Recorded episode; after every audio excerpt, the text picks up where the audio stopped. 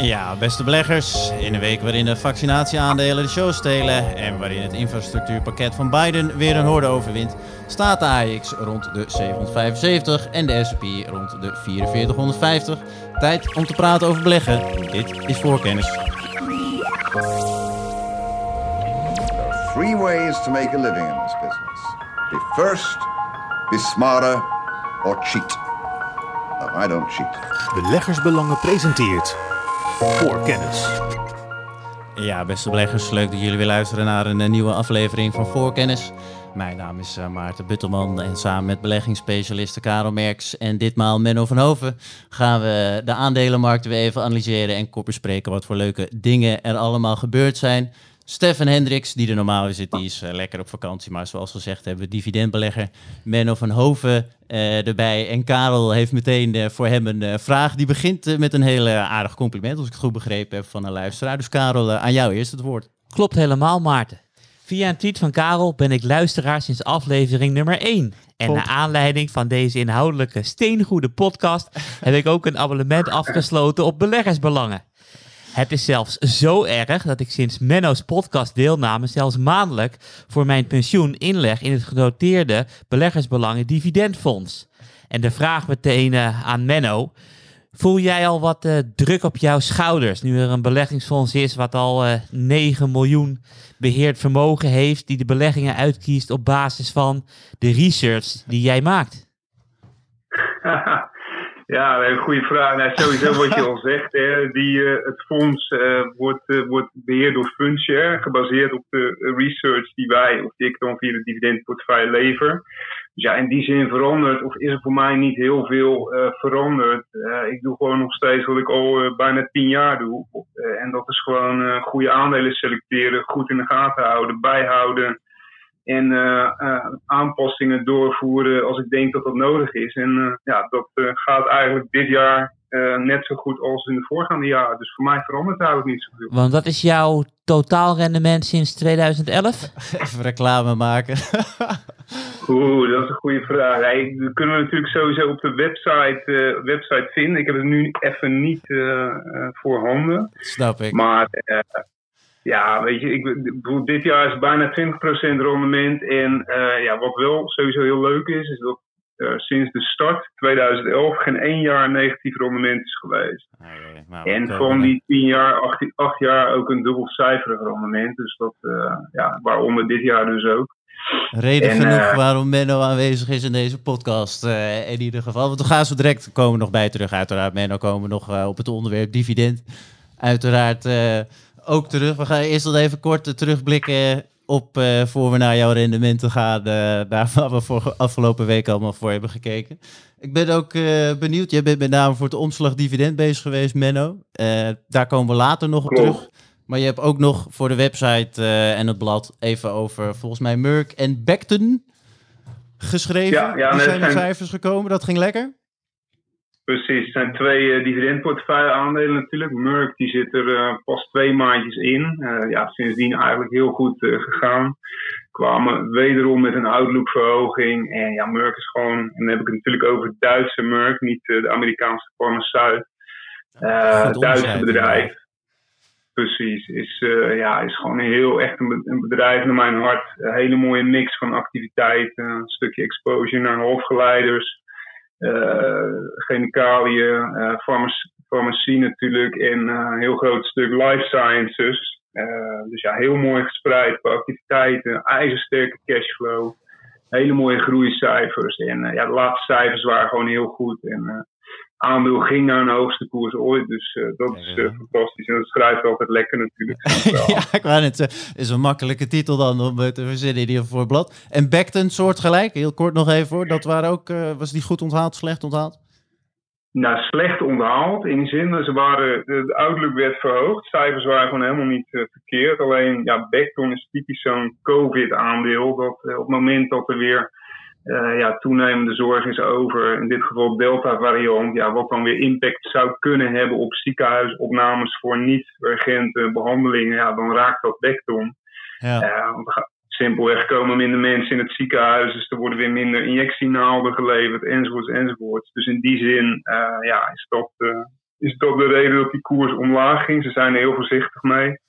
Maar ja, fundamenteel is het natuurlijk ook gewoon een prachtig aandeel eh, voor de lange termijn. eh. Heerlijk Elke- altijd als Menno dat zegt.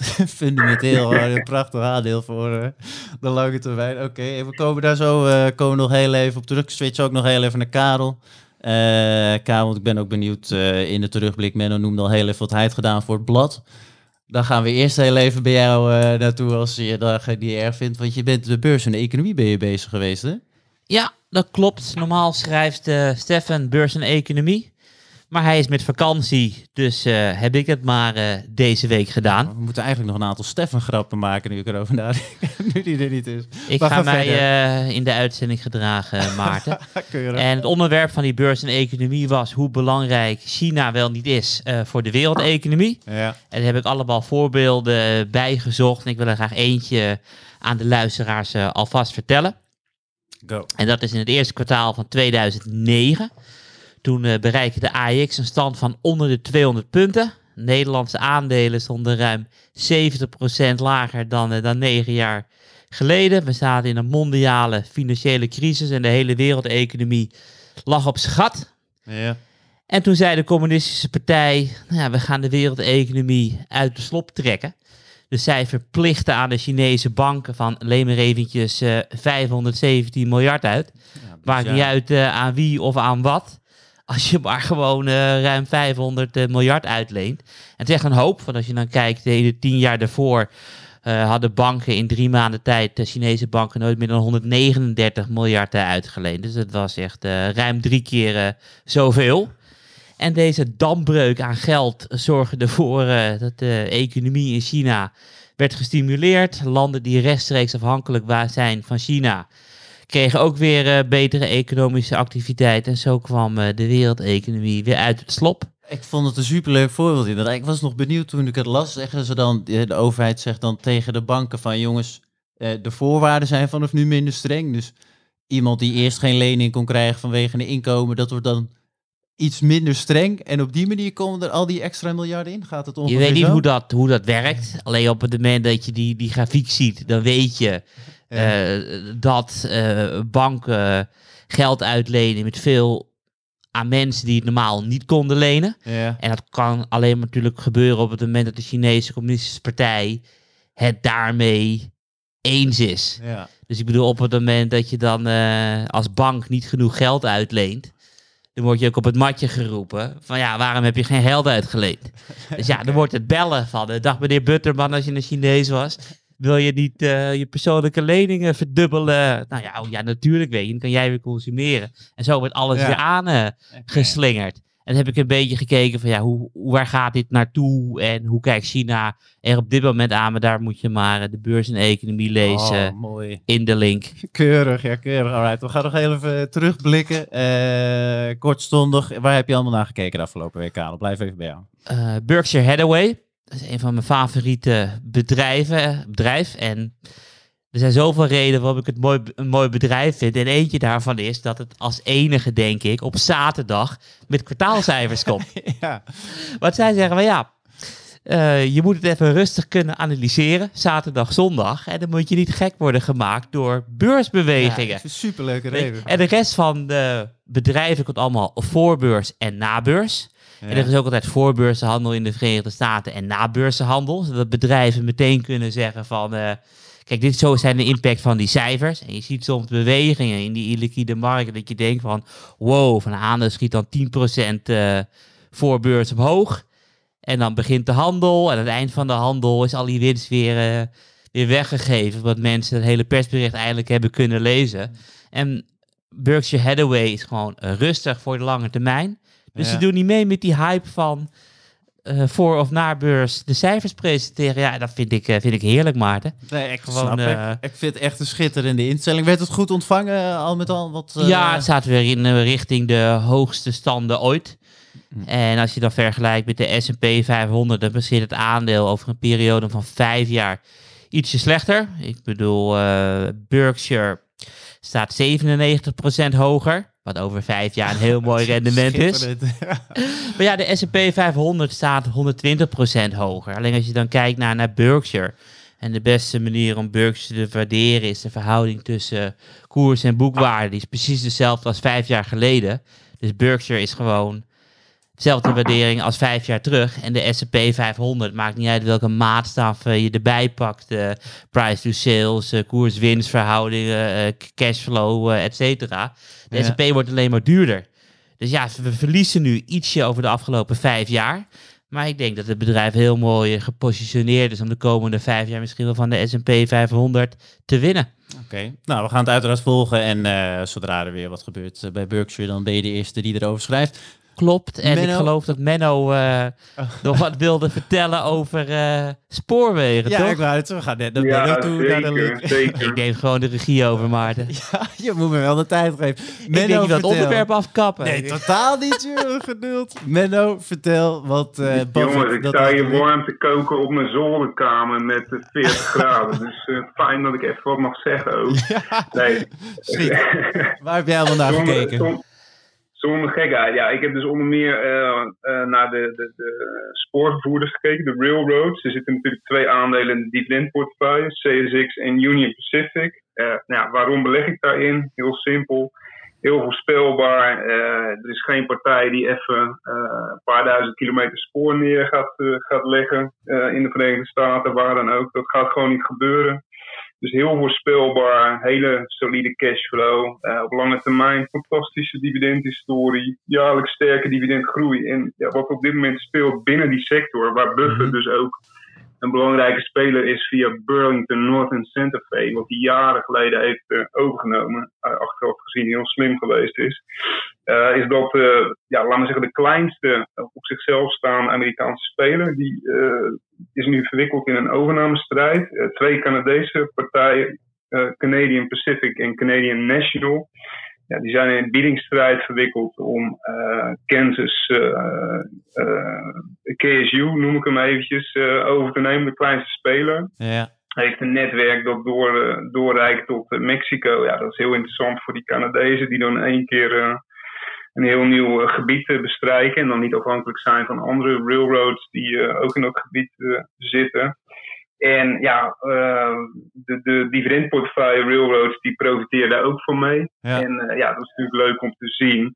En ja, het is een hele, eh, eigenlijk een, een sector met een paar, paar spelers nog maar. Maar echt fantastische fundamentals qua dividendgroei. En op lange termijn, ja, is dat gewoon heel voorspelbaar wat ik zei. En daarom heb ik er ook twee in de dividendportefeuille. Het Dus, lijkt eh, me ook een, eh, een, eh, Ja, Het lijkt me ook een leuke sector om een keer een, eh, een, een omslagverhaal over te maken. Of zijn er dan al zo weinig aandelen nog Nou, precies, dan ben je snel klaar. Je hebt, ja, is het zo erg?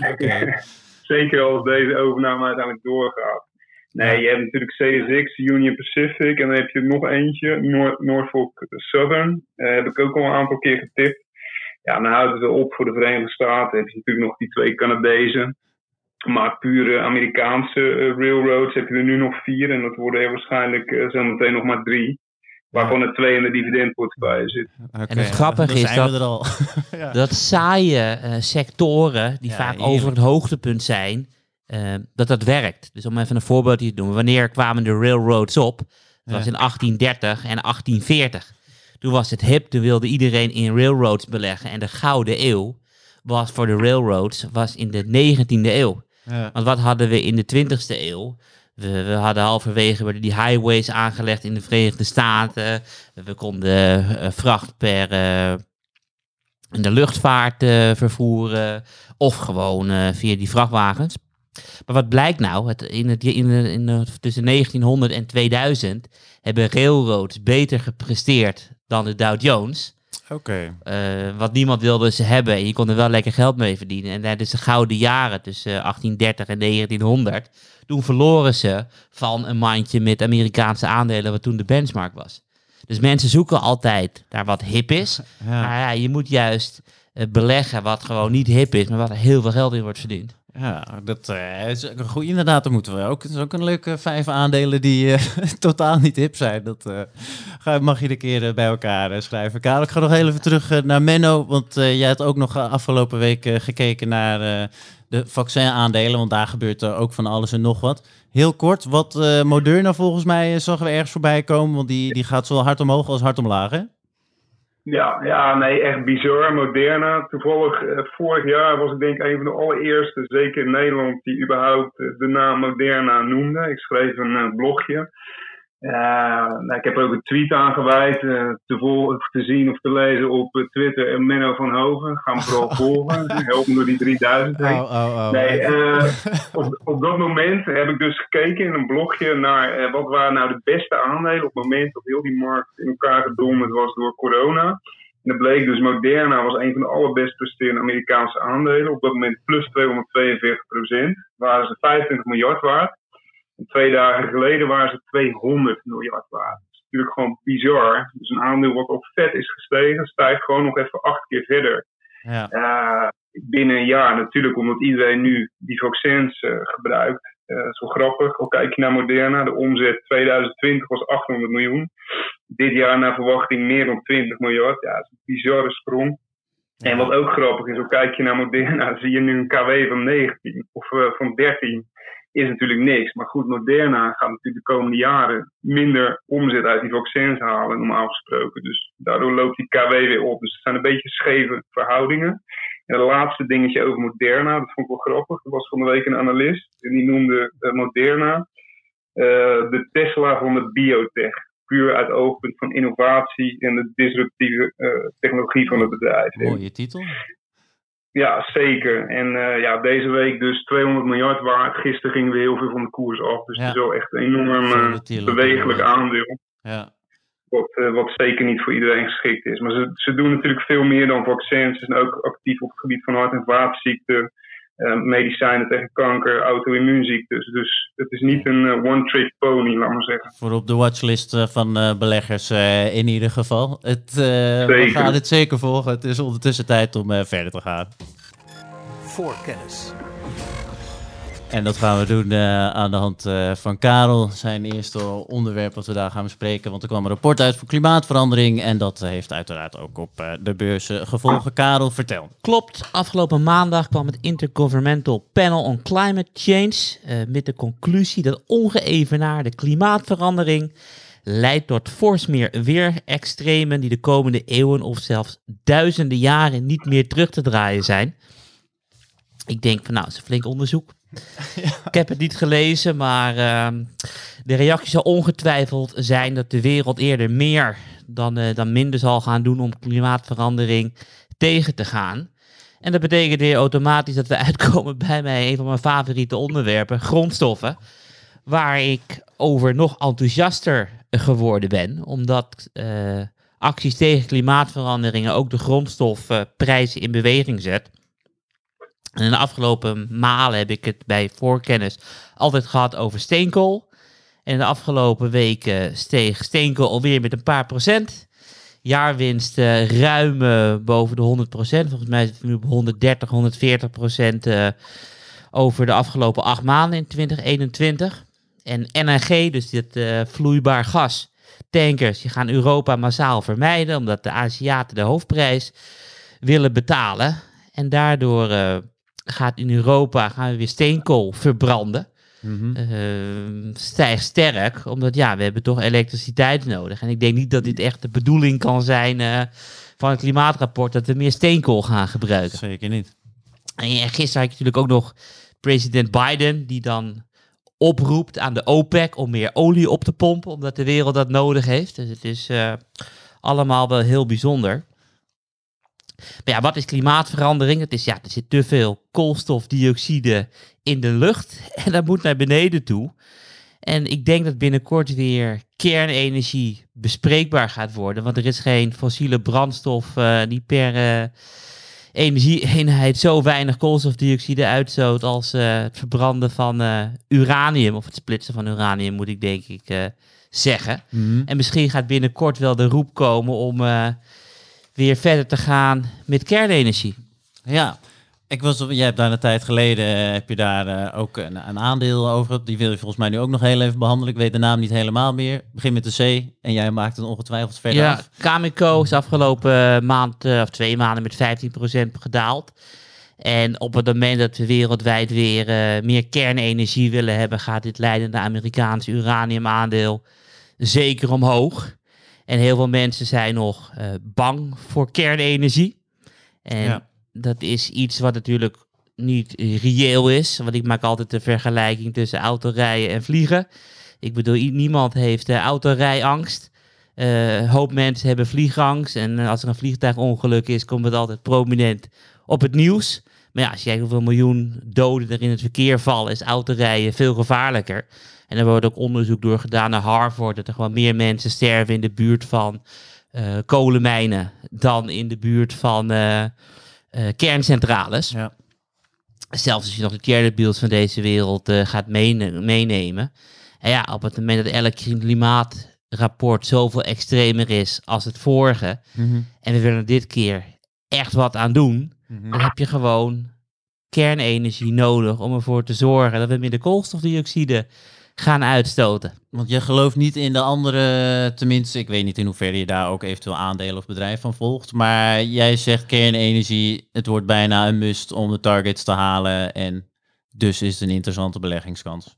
Klopt, want wat is het alternatief? Dat is overal eh, windmolens neerzetten of eh, zonnepanelen. Mhm. Alleen daar kan je niet tegen aanbouwen. Want als je dan gewoon de afgelopen jaren gezien hebt hoe fanatiek Duitsland bezig is met het neerzetten van windmolens en zonnepanelen, heel fanatiek.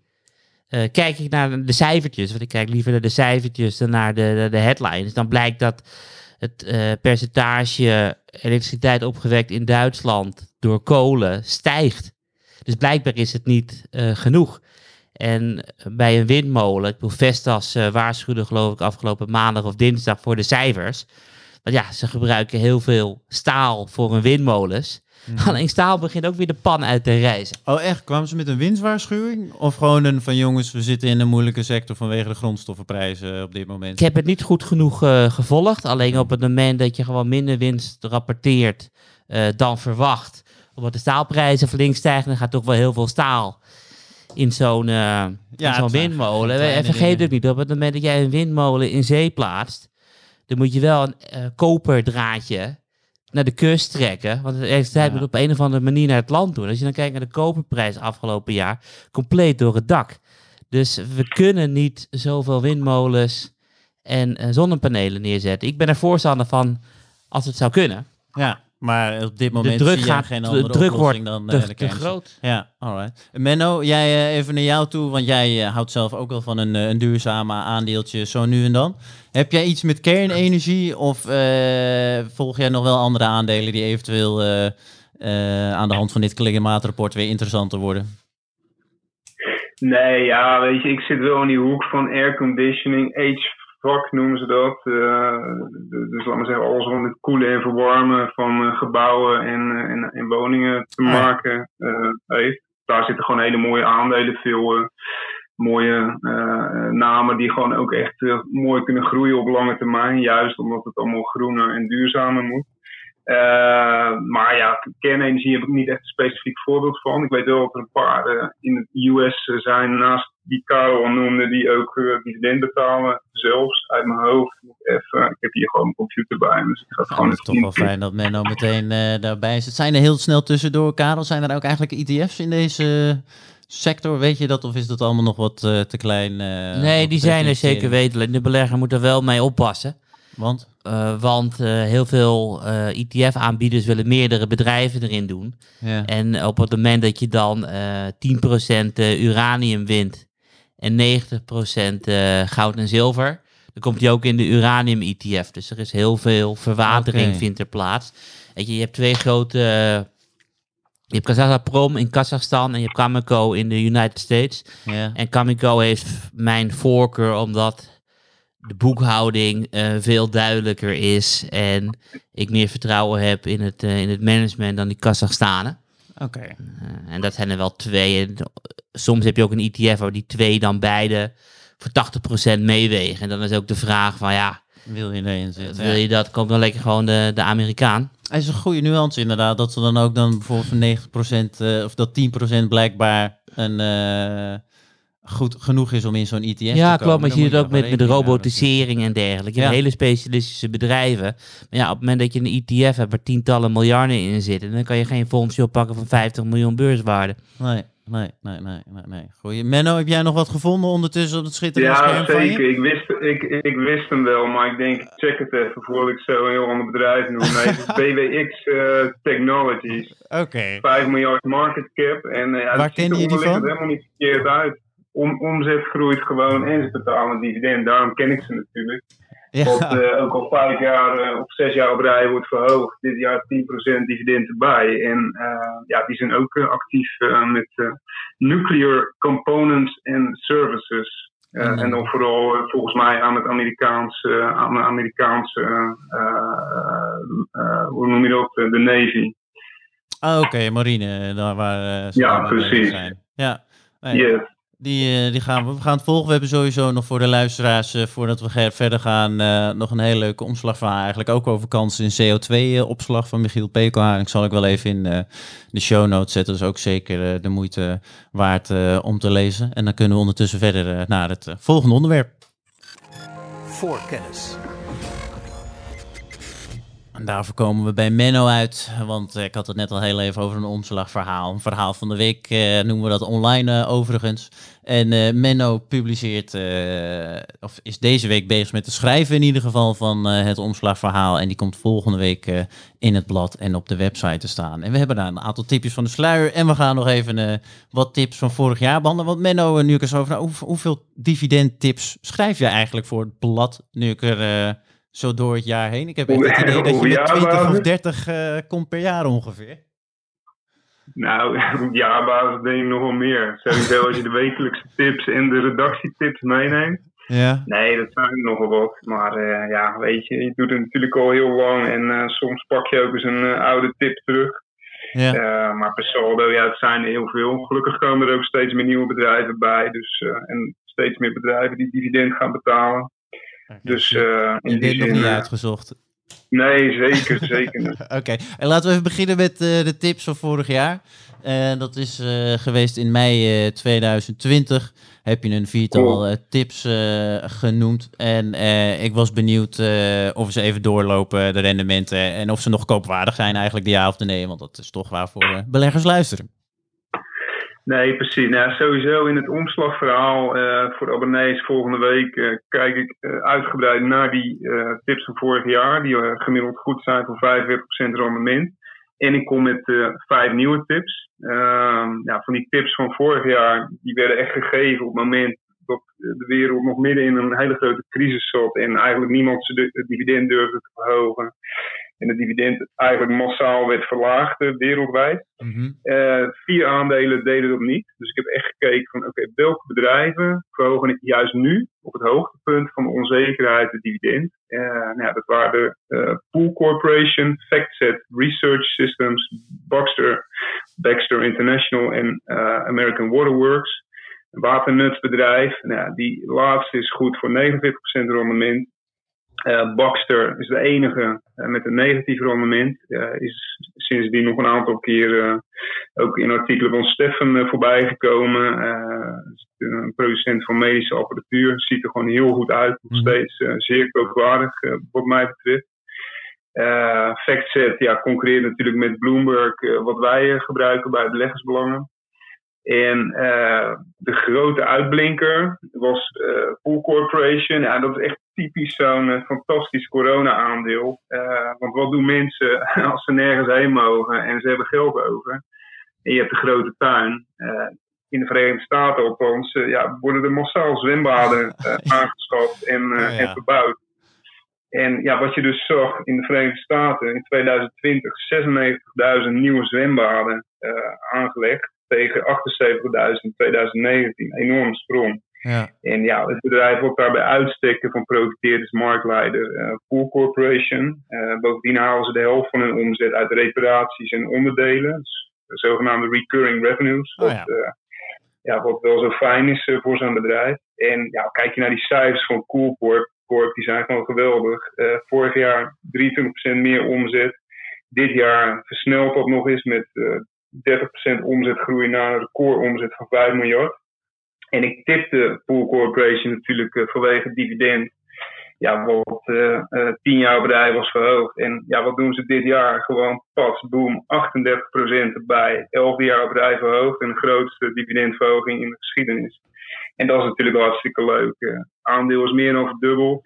ik denk dat het nog steeds koopwaardig is, maar dan vooral op momenten van koerszwakte. Die gaan ja. er pas Menno, even een kritische vraag hoor. Maar is het heel erg duidelijk dat op het moment dat we een jaar thuis gaan zitten, en je zit al te denken aan een zwembad. Oké, we halen dat lekker naar voren. Oftewel, hoeveel zwembaden zullen er nog in de Verenigde Staten in 2022 eh, en 2023 worden gegraven op het moment dat alles open gaat, de Roaring Twenties komen en we willen nooit meer thuis zijn. Ja, maar daarom zijn die recurring uh, profits zo goed. Ja, welk percentage is dat? Heel goed, Maarten. Heel welk goed, percentage zei je, Menno, is het? Is het? Ja, de helft, meer dan de helft inmiddels. Dus ja, precies wat Maarten zegt, dat is natuurlijk heel belangrijk. Hè? Dat, uh, is gewoon, ja, dat, uh, dat wil je bij elk aandeel eigenlijk zien. Maar ik kijk natuurlijk ook naar de analistentaxaties. En die gaan ook gewoon vanaf 2020 uit van echt mooie groeicijfers nog.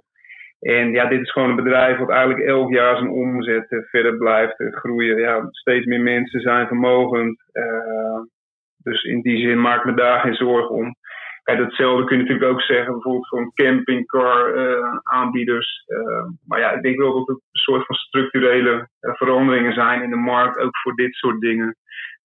die de corona gebeuren, ja, dat is niet zomaar weg. En uh, mensen werken meer eh, thuis.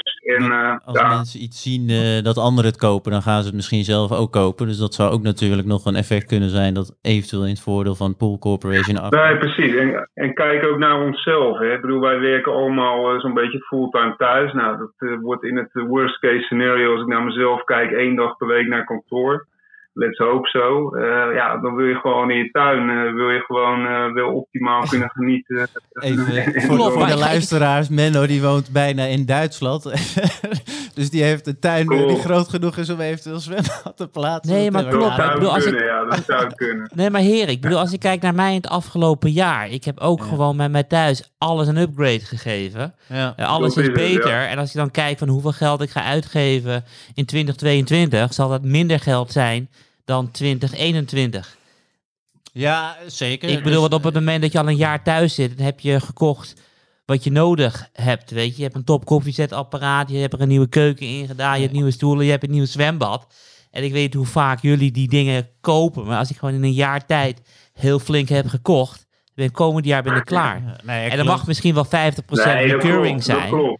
Dus er zit al wat in de koers. Dat is je onderliggende opmerking uiteraard. Maar ja, dat, ja, dat is altijd de vraag. Uh, nee, maar nog, nog twee aanvullende opmerkingen erbij. Sowieso, uh, ja, weet je, de omzetgroei zal terugvallen tot 5% per jaar ongeveer, normaal gesproken vanaf 2022. Is ook dikke prima. En daarnaast, uh, de gemiddelde levensduur van een zwembad, zag ik even voorbij komen, is misschien 11, 12 jaar. Dus ja, op een gegeven moment komt gewoon heel die vernieuwingscyclus ook weer in gang. Dus ja, wat dat betreft, uh, nee, dat, uh, kijk, groei, de groei is minder sterk natuurlijk dan de laatste twee jaar, logisch. Maar er is nog groei. Dus in die zin, uh, en dan met die recurring revenues erbij, nee, dat, daar maak ik niet zo zorgen om. Maar dat gezegd hebben, het zijn gewoon knaldure aandelen. Dus ja, dat is al zeker niet op de markt. Kijk, wat schrijf ik dus in mijn agenda? Ik schrijf in mijn agenda 2030. Let op, Karel heel veel zwembaden die in 2020 zijn gebouwd, hebben nu vervanging nodig. En ik bedoel, heel veel mensen gaan het dus missen. Ik bedoel, ik mis het ook. Maar ja, daarvoor heb ik ook zo'n agenda waar je bang van wordt, wat er allemaal in staat. Dus ik heb nu weer wat voor 2030. Ja, nee, ik vind het nog, leuk uh, terugkomen. Vertel, Menno. Als ik nog één uh, toevoeging mag geven. Poolcorp is natuurlijk een marktleider in, uh, in de Verenigde Staten, wat ik al zei. In Europa heb je ook zo'n uh, aandeel. En dat is, uh, nou ja, jullie kennen vast het Franse woord voor zwembad, toch jongens? Roep maar. Mijn Frans valt tegen, helaas. Piscine, piscine. Dat ah, nu piscine het de Joyaux, dat is een uh, familiebedrijf. Oké. En die doen eigenlijk hetzelfde als Poolcorp, alleen in Europa. Ze zijn veel kleiner. Qua market cap en zo. Maar ook daar is die koers geëxplodeerd. Dus dat is wel grappig. Dus je hebt ook een uh, Europese poolcorp. Oh, en ook daar moeten we over, uh, over tien jaar moeten we er even een notitie maken dat de zwembad... Ik vind het best kort overigens, de levensduur van 10, 11 jaar voor zo'n zwembad. Maar, Weer en wind buiten. Ja, dat is misschien een, goed punt. Oké, okay, hey Menno, laten we ook nog heel even vooruitkijken. Want volgende week komt er, een, ja. komt er een, uiteraard een omslag van jou op de website en in het blad. En tipje van de sluier uh, alvast voor de trouwe podcastluisteraars. Die uh, ga je bij deze weggeven. Vertel. Ja, nou ik heb sowieso vijf, uh, vijf aandelen. En daarbij kijk ik eigenlijk één naar een sterke dividendhistorie. Bij voorkeur minimaal 10 jaar dividend verhoogd. En ja, dit jaar, er zijn nu de laatste tijd weer zoveel dividendverhoging. Dus ik heb echt genoeg om uit te kiezen. Dus ik kijk naar bedrijven die minimaal 10% verhogen bij voorkeur dit jaar. Maar ja, het belangrijkste blijft natuurlijk dat ook het dividend de komende jaren verder omhoog kan. Dat, dat, wil ik wel even erbij zeggen. Mm -hmm. uh, dus ik heb er vijf. Nou, eentje om eruit te pakken. is al eerder voorbij gekomen bij beleggersbelangen. Dat is Microchip Technology. nou ja, het is gewoon een, een chip aandeel. En het grappige van Microchip is dat ik volg ze natuurlijk al jaren. Ze verhogen namelijk elk kwartaal dividend. Nou, dat is op zich al vrij bijzonder. Alleen dat deden ze altijd naar echt hele minimale stapjes van uh, op jaarbasis 0,08, 0,6 procent. Dus echt gewoon elke keer een paar tienden erbij. Dus het ging nergens over. Dus ja, daarom heb ik er eigenlijk nooit over geschreven. Maar dit jaar ja, verandert er ineens iets. En zijn ze massaal aan het uh, verhogen geslagen. Ze verhogen nog steeds elk kwartaal dividend. Uh, dit jaar al drie keer voor in totaal 18,6. Ja, waar, ik weet waarom zeker doen ze dat? Uh, geen idee. Oké. Okay. Ik denk gewoon, ja, misschien ook onder druk van aandeelhouders hoor. Dat, en ze hebben in de voorgaande jaren een paar flinke overnames gedaan. Ja, goed. de cash blijft binnenkomen. Dus nou ja, misschien zien ze geen overnamekansen meer. Mm-hmm. En is dit gewoon een nieuwe manier om de cash uh, te gebruiken, wat natuurlijk prima is. Uh, maar goed, ik verwacht dus ook in het vierde kwartaal weer een dividendverhoging. En ja, elk kwartaal eigenlijk de komende jaren. Dus dat is gewoon geweldig. En uh, dividend is al 19 jaar bedrijven hoog. Met pas nu dus echt zo'n groeiversnelling. Dus ja, dat vind ik wel een heel interessant aandeel om nu, uh, nu naar te kijken. En sowieso die hele hoofdgeleidensector is natuurlijk uh, briljant. Ja. Uh, en de dividendportefeuille heb ik er ook een paar hele leuke bij zitten. Waaronder Monolithic Power.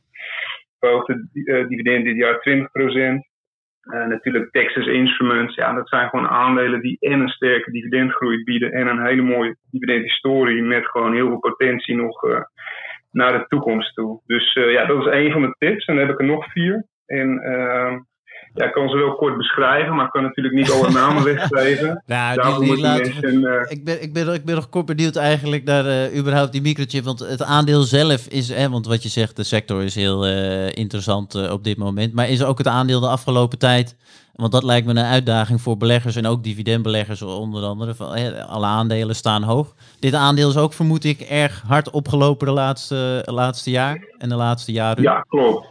Nee, absoluut. Ja, dit is ook wel uh, echt wel eentje die hard opgelopen is in koers. Maar ja, niet, niet zo extreem als, uh, als andere aandelen. En het leuke van deze is, uh, ja, met een KB van 17 voor dit jaar is, is de waardering niet eens extreem. En ja, fundamenteel ziet het er gewoon goed uit. En als je dan weet dat het dividend gewoon elk kwartaal omhoog gaat. Is echt de enige chipper die dat doet, die ik ken in de Verenigde Staten ja, dan is het wel uh, een heel interessant verhaal natuurlijk. Ja, is, dus, is, het, is, dus, is, een KW, is dat uh, voor van 17? Koerswinstverhouding, ja, ja. Ja, maar is dat, is dat hoog, 17? Of is dat laag voor een uh, sector uit, of een aandeel uit deze sector? Nou, dit, dit is wel aan de lage kant. Er zitten natuurlijk okay. wel verschillen in. Kijk, kijk je bijvoorbeeld naar een Intel, logger, groter, minder groei. Ja, er zitten ook andere waarderingen bij. Maar vergelijk je het met een Monolithic of ja, een NXP of whatever, ja, dan is dit wel aan de lage kant. Het zegt natuurlijk niet zo heel veel. Ik kijk ook vooral naar dividend en de potentie die daar nog in zit. En ja, dat ziet er gewoon heel goed uit uh, allemaal. Oké, en dan dus het is op dit moment een, een, een, een buy the dip of zou die eventueel direct kopen als de portefeuille er ruimte voor biedt, uh, uiteraard ook qua sectorspreiding en dergelijke? Of is het nog even wachten ja, totdat uh, op dit moment de beurs wat inleveren? Ja, dat kun je natuurlijk altijd doen, maar niemand weet wanneer dat gaat gebeuren. Hè. Kijk, Mhm. als de beurs omlaag gaat, ja, dan gaat deze ook mee. Eh, maar goed, dan heb je nog geen grote exposure of je hebt cash liggen. Ja, waarom zou je ze nu niet kopen? Eh, ik, eh, ik denk dat het sowieso interessant is voor de lange termijn. Eh, het is natuurlijk een ander verhaal als je binnen een paar maanden winst wil halen. Ja, ga naar het casino. Moet je niet gaan beleggen. nee, oké, ja, goeie. We gaan de volgende. Karel, zit jij eigenlijk... eh, Heb jij iets met de chipsector of niet? Ik heb wat met de chipsector. Ik kijk vooral naar eh, TSMC in Oh ja. Taiwan, eh, Ja. grootste producent eh, ter wereld. Eh, in een gebied wat natuurlijk ook behoorlijk risicovol is. Niet, omdat er een, eh, niet alleen omdat er een breuklijn onderloopt. Ik bedoel, eens in de zoveel jaar heb je er ook een flinke aardbeving. Net als in Los Angeles, week in een keer dat die gaat komen. Mhm. Je weet alleen niet wanneer. Ik bedoel, Los Angeles is alweer 100 jaar geleden, geloof ik, in 1906. Daar komt ook een keer. Ik bedoel, als daar een aardbeving is, dan heb je een probleem. Ja. Daarnaast is het natuurlijk een afvallige provincie van China. Dus het is ook geopolitiek is het daar behoorlijk eh, spannend natuurlijk. En de wereld eh, draait op chips. En eerst hadden we één wereld. En nu hebben we natuurlijk een, een westerse wereld eh, onder leiding van ASML. En China probeert natuurlijk zijn eigen chip ehm, mega, mega bedrijven te, te introduceren. Dus ik denk dat het wel essentieel is om chips te volgen in deze tijd. Zonder meer, inderdaad. Ja, maar ik eh, hoorde jou eigenlijk... je schrijft er nooit over. Het hoeft ook niet je sector te zijn. Dus vandaar dat ik heel even Nee, nee, eh, dat klopt was. ook. Maar het is ook eh, natuurlijk echt een, een heel onderwerp ja. en een onderwerp in de dividendportefeuille. En ik vind het altijd leuk om, om onderwerpen aan te snijden die mijn collega's nog niet hebben aangesneden. Dus waar ik dan die vijf opkomende landen uitkies of eh, Ja. Uranium, wat gewoon elke keer wat anders is. eh. Bedoel, Als jij elke keer over chips moet lezen, dan word je ook minder blij, denk ik. nee, zonder meer. Hele leuke toevoeging. En Menno, nog heel kort even terug naar jou van die vier van vorig jaar. Heb je nu nog een favoriet van eh, die vier? Is dat Pool Corporation of is eh, dat eh, een van de andere? Nee, dat, dat is zonder meer Baxter. Gewoon eh, qua dividendgroei. eh, dubbele cijfers omhoog elk jaar. Ja, waardering, alles eh, ziet er gewoon het beste uit. Het punt waardoor, waarom die koers eh, onder druk ligt, is mede omdat ze een bod zouden hebben gedaan. is volgens mij nog niet eens officieel bekendgemaakt op een eh, sectorgenoot. Ja, dan heb je weer over een flinke bak schuld erbij. En daar zitten beleggers niet echt op te wachten. Dus daardoor ligt hij wat onder druk. Maar ja, daar moet je gewoon eh, geduld mee hebben. Trouwens, als ik nog even, want we hadden het over die vervangingscyclus van die zwembaden. Ik heb het even bijgezocht. Ja. Er was toevallig een artikel in de Wall Street Journal eh, deze week. Eh, er staat ook letterlijk: Meanwhile, existing pools typically need to be overhauled every 9 to 12 years. Dus het is nog sneller zelfs. Daarom je moet je agenda nog ietsjes meer naar voren halen. Stuur het eh, artikel weer even door, eh, Menno. Dan heb ik ook weer wat om in te plakken. Oké, tijd om verder te gaan. voor kennis. We hebben nog een laatste onderwerp op de plank liggen aan de hand van... eh Karel komen we toch een beetje terug bij eh, grondstoffen. eh, alleen dit keer met een eh, leuke invalshoek. Want eh, platina, platina of platinum? Kaals, eh, Ligt eraan of jij eh, in het Engels wil of in het Nederlands. Ja, oké, dat was oké. bedoel, het Nederlands is platina en het Engels is platinum. Alright, het woord is aan jou. Vertel. Ehm, ja, afgelopen week platina prijs 7% onderuit. Dat is echt hard.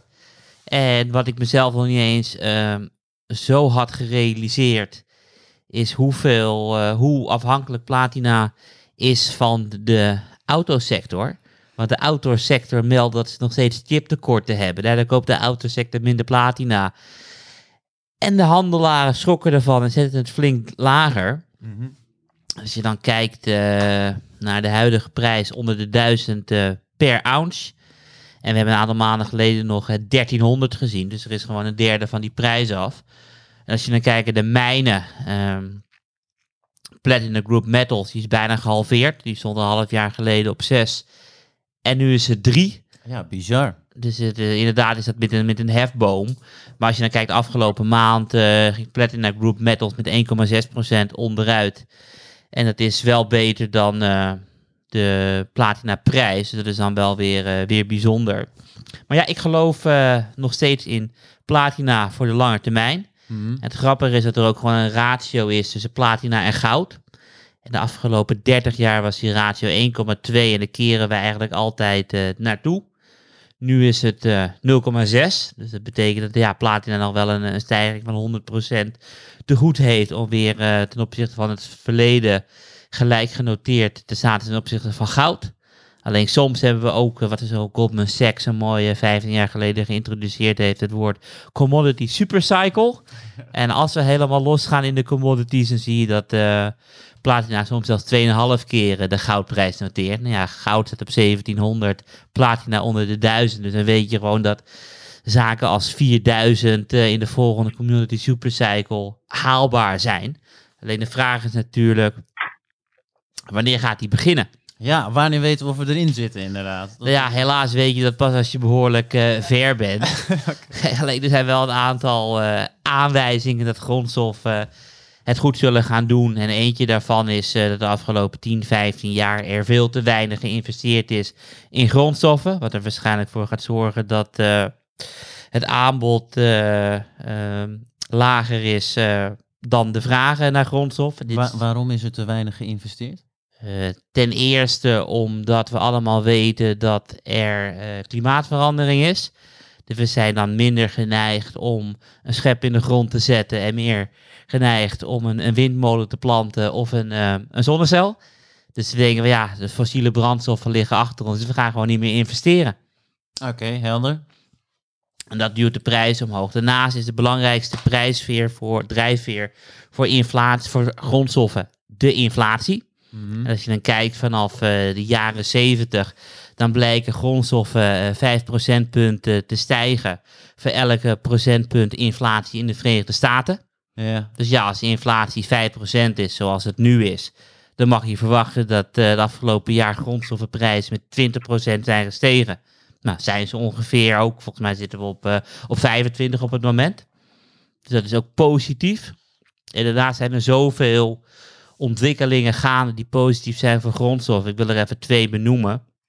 Eentje is, we willen af van just-in-time management. Mhm. Want we willen voorraad eh, op de plank hebben liggen, omdat de productieketen verstoord is. Maar ja, als je meer voorraad wil hebben, moet je ook meer maken. Dat betekent meer, eh, meer grondstoffen. En daarnaast hebben we ook geleerd dat er bepaalde productiegroepen zijn waar echt 100% van de productie uit China komt. Wat bijvoorbeeld een voorbeeld is, zijn, eh, zijn mondkapjes.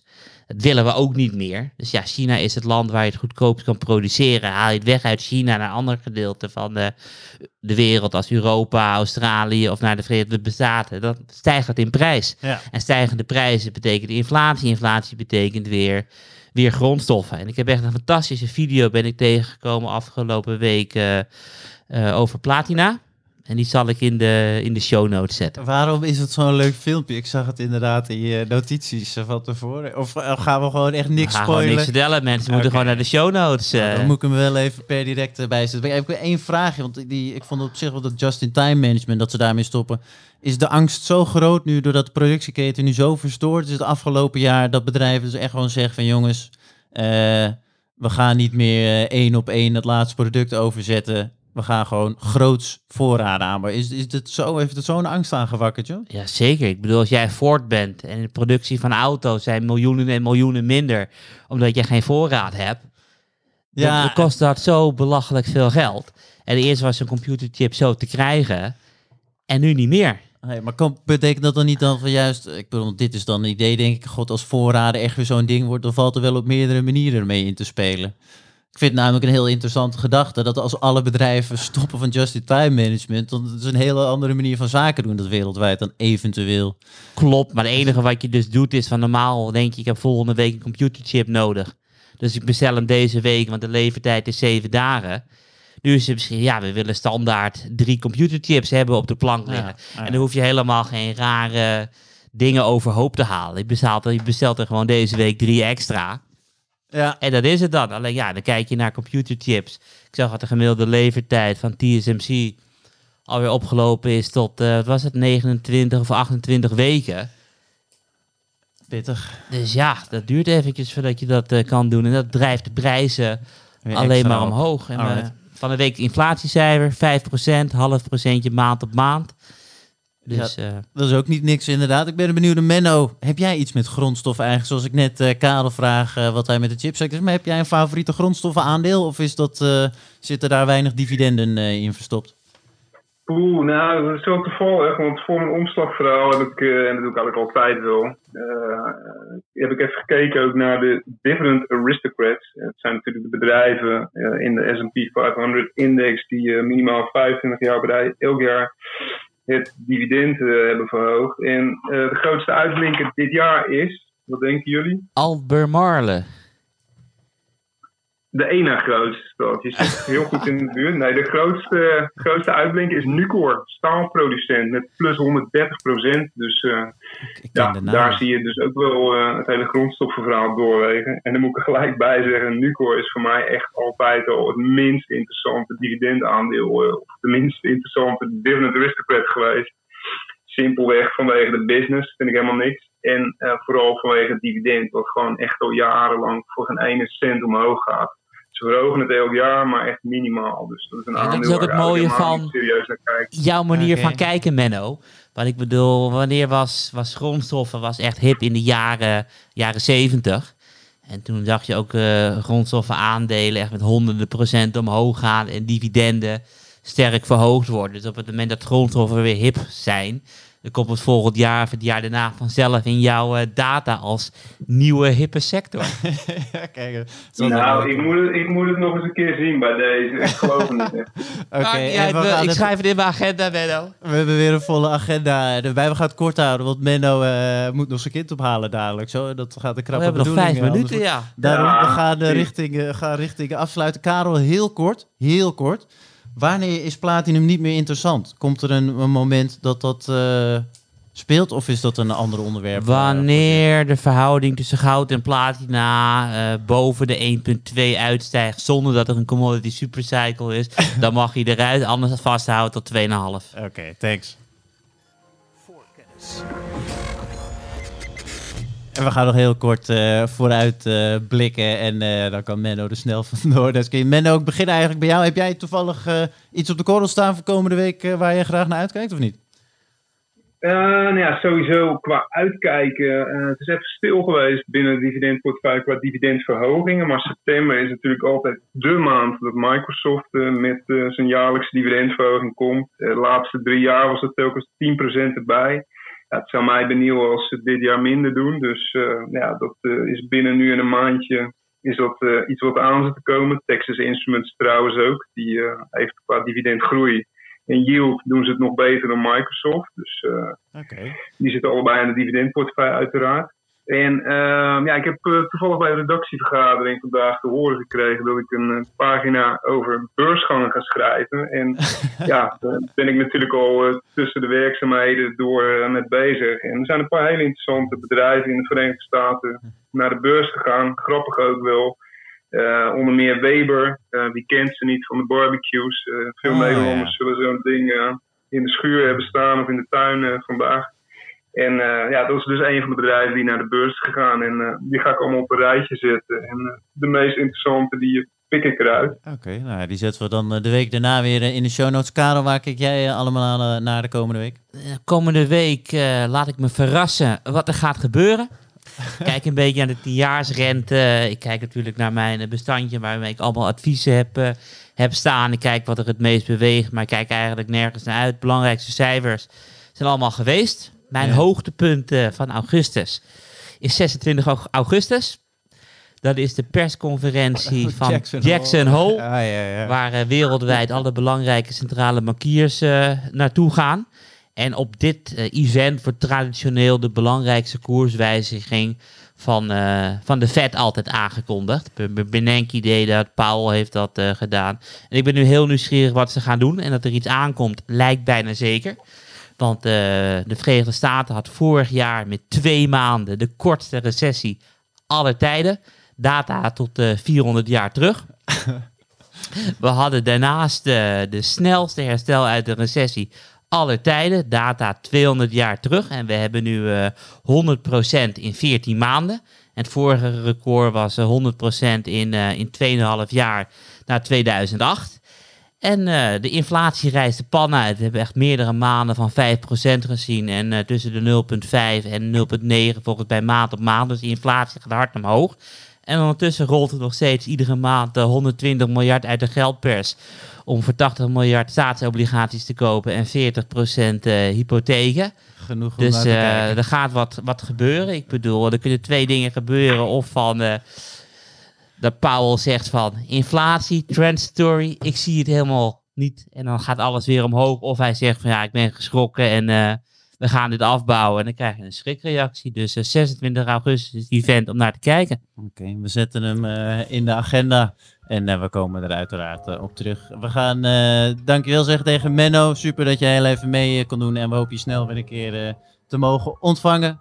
En eh Karel. Jij uiteraard eh, ook bedankt weer eh, voor alle wijsheid. En tot volgende week. En eh, tegen de luisteraar eh, zeggen we ook tot volgende week.